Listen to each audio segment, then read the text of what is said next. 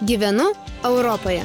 Laida Gyvenu Europoje yra Europos radijos stočių tinklo Euronet Plus dalis. Sveiki žinių radio klausytojai, čia laida Gyvenu Europoje, prie mikrofono Užra ir Gauskaitė. Kaip ES laisvinasi iš priekybos su Rusija, šiandien apie tai kalbėsim, nes Eurostato duomenimis Rusijai tenkanti ES viso eksporto dalis nuo Kremliaus pradėto karo prieš Ukrainą pradžios sunyko nuo beveik 4 procentų iki kiek mažiau nei 1,5 procento, o importo iš Rusijos dalis mažėjo beveik 8 procentais iki 1,7 procento. Eurostatas taip pat skelbė, jog per praėjusią praėjusius dvejus metus reikšmingai mažėjo ir ES priklausomybė nuo rusiškų energijos išteklių. Iš Rusijos importuojamos žaliavinės naftos dalis visame jos importe sumenko nuo maždaug 29 iki kiek daugiau nei 2 procentų, o gamtinių dujų nuo 38,5 iki beveik 13 procentų. Tuo metu akmens anglies nuo 45 procentų iki 0 procentų. Tad ar tikrai Rusija nyksta iš ES importo ir eksporto žemėlapio? Žemėlapio mes to ir paklausime Citadelės banko ekonomisto Aleksandro Izgorodino. Sveiki. Sveiki. Pirmiausiai bendrai šie skaičiai vyksta karas ir natūralus lūkestis yra, kad ES mažins savo priekybos su Rusija apimtis, bet e, štai šie skaičiai, kuriuos pateikė Eurostatas, tenkina, kad Rusijos dalis ES eksporte ir importe na, siekia sunyko mažiau nei iki 2 procentų. Taip, aš manau, kad e, ta tendencija yra pozityvi. Iš tiesų, ES priklausomybė nuo Rusijos tiek eksporto, tiek importo atžvilgių mažėja. Ir aš manau, kad e, tam įtakos tikriausiai turėjo keli aspektai. Tai visų pirma yra sankcijos, nes tiek eksporto tiek importo prasme buvo priimti labai konkretūs apribojimai. Tarkime vienas iš pavyzdžių europos sąjunga labai stipriai atsisako energetikos išteklių importo iš e, rusijos ir tas tikrai veikia ir įtakoja rusijos e, kritimą europos sąjungos prekybos e, apimčių struktūroje. Bet manau kad įtakos turi ir kitas momentas. Tai yra mm, sumažėjęs labai stipriai sumažėjęs rusijos pasitikėjimas europos verslo akyse ir turint omeny rusijos agresiją turint omeny sankcijas turint omeny vieną iš sankcijų elementų tai yra apribotos galimybės vykdyti mokėjimus tai sąjungos verslas manau kad dabar mažinasi prekybos su rusija ir dėl to kad rusija tiesiog tapo nepatraukliu ir nepatikimu užsienio prekybos partneriu europos sąjungos verslo akyse taip bet na akivaizdu kad nors ir mažiau bet tebeperkamos kai kurios prekės na jeigu taip galim sakyt gamtinės dujos nafta bet kiek realu kad na stebint tuos rodiklius nes suprantam kad ang anglies akmens angliai yra sankcijos dėl to nuo keturiasdešim penkių iki nulio procentų radikalus yra tas šuolis bet šioms sritims konkrečių tokių sankcijų nėra kurios galutinai tai uždraustų. Ar galima tikėtis kad kažkaip natūraliai tiesiog irgi tai galiausiai pasieks nulį ar čia jau yra naivu nes kol kas naujuose sankcijų paketuose nepanašu kad tai na dar būtų dėmesio centre išvis aptarinėjama.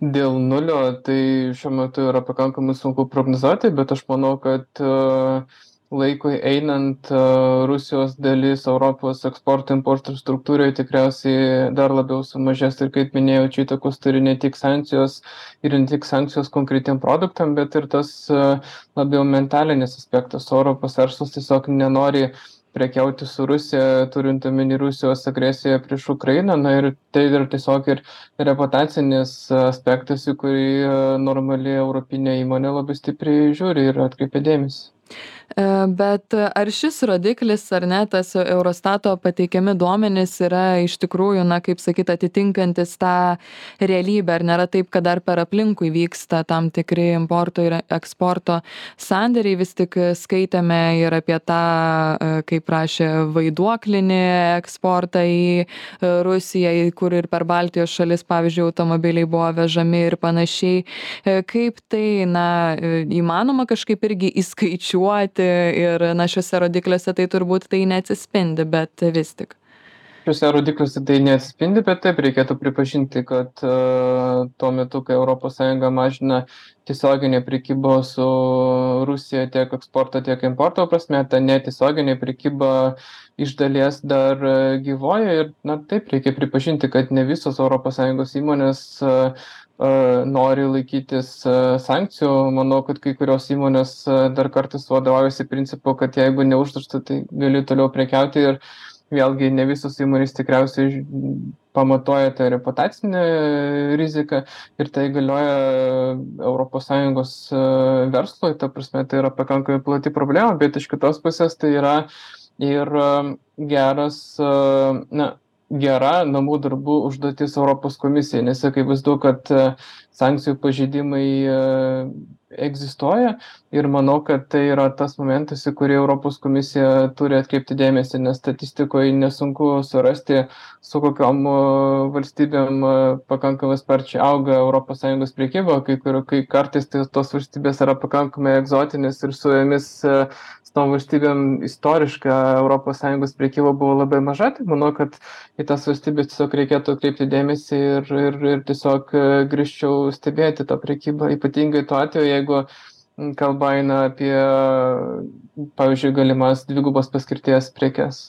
Taip, čia ypač buvo tiek su Kazakstanu, tiek Kirgizija dominavo ir Armenija, man atrodo, buvo e, dideli iššokę tie skaičiai, apie ką rašė ir Financial Times e, tose naujienose, bet ar ar ir tuomet įmanoma kažkaip na nuprognozuoti bent koks tuomet yra tas realus skaičius su šia tokia šešėline sakykime prekyba jeigu dabar tarsi taip džiaugsmingai skelbiama kad e, kiek mažiau nei du procentus sudaro importas ir eksportas tai kiek su šiais e, su šiuo šešėliu gali būti tas realus skaičius aš manau kad netgi ir su šešėliniais e, skaičiais e, ta bendra apimtis pakankamai stipriai krenta visų pirma dėl to kad e, europos komisijos sankcijos palietė tuos segmentus kurie labai plačiai egzistavo ir dominavo Europos Sąjungos eksporto importo struktūroje su Rusija, tai ta, tie patys energetikos ištekliai.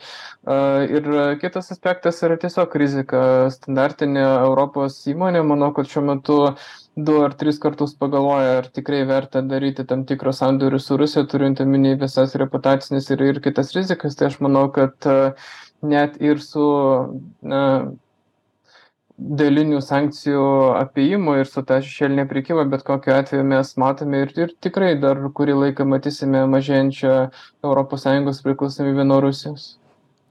E, bet įdomu vis tik e, pati nuotaika Europos Sąjungoje, čia vis bandoma aiškintis, ar, ar nepavargome padėti Ukrainai ir panašiai, bet ar jūs matytumėte kažkokį scenarijų, kad būtų grįžtama prie kažkokios realesnės priekybos su Rusija, ar šiuo metu tai, na, logiška turbūt būtų, kad sunkiai įsivaizduojama.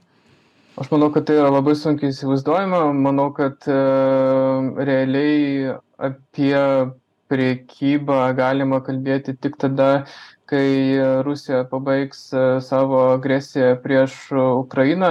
Kol kas iki galo nėra aišku, kada tai galėtų įvykti ir tame kontekste, aišku, labai svarbu, kad Europa ir vakarai toliau padėtų Ukrainai, bet bet kokiu atveju net ir e, pasibaigus konfliktui, prieus prie tam tikro sustarimo, čia atkreipčiau dėmesį į du aspektus. Visų pirma, aš manau, kad vakarai ir ta pati Europos komisija labai lietai mažins sankcijų apimtį Rusijai tam, kad neišprovokuotų dar, dar naujo konflikto.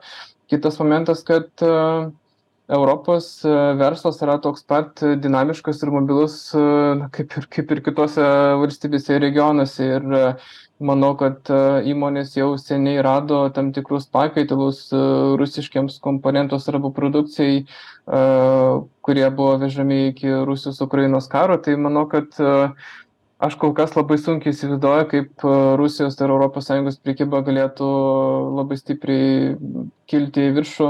Manau, kad tas scenarius yra praktiškai neįmanomas, nes ES įmonės, manau, kad labai ilgam laikui pasitraukė iš e, Rusijos tiek eksporto, tiek ir importo prasme.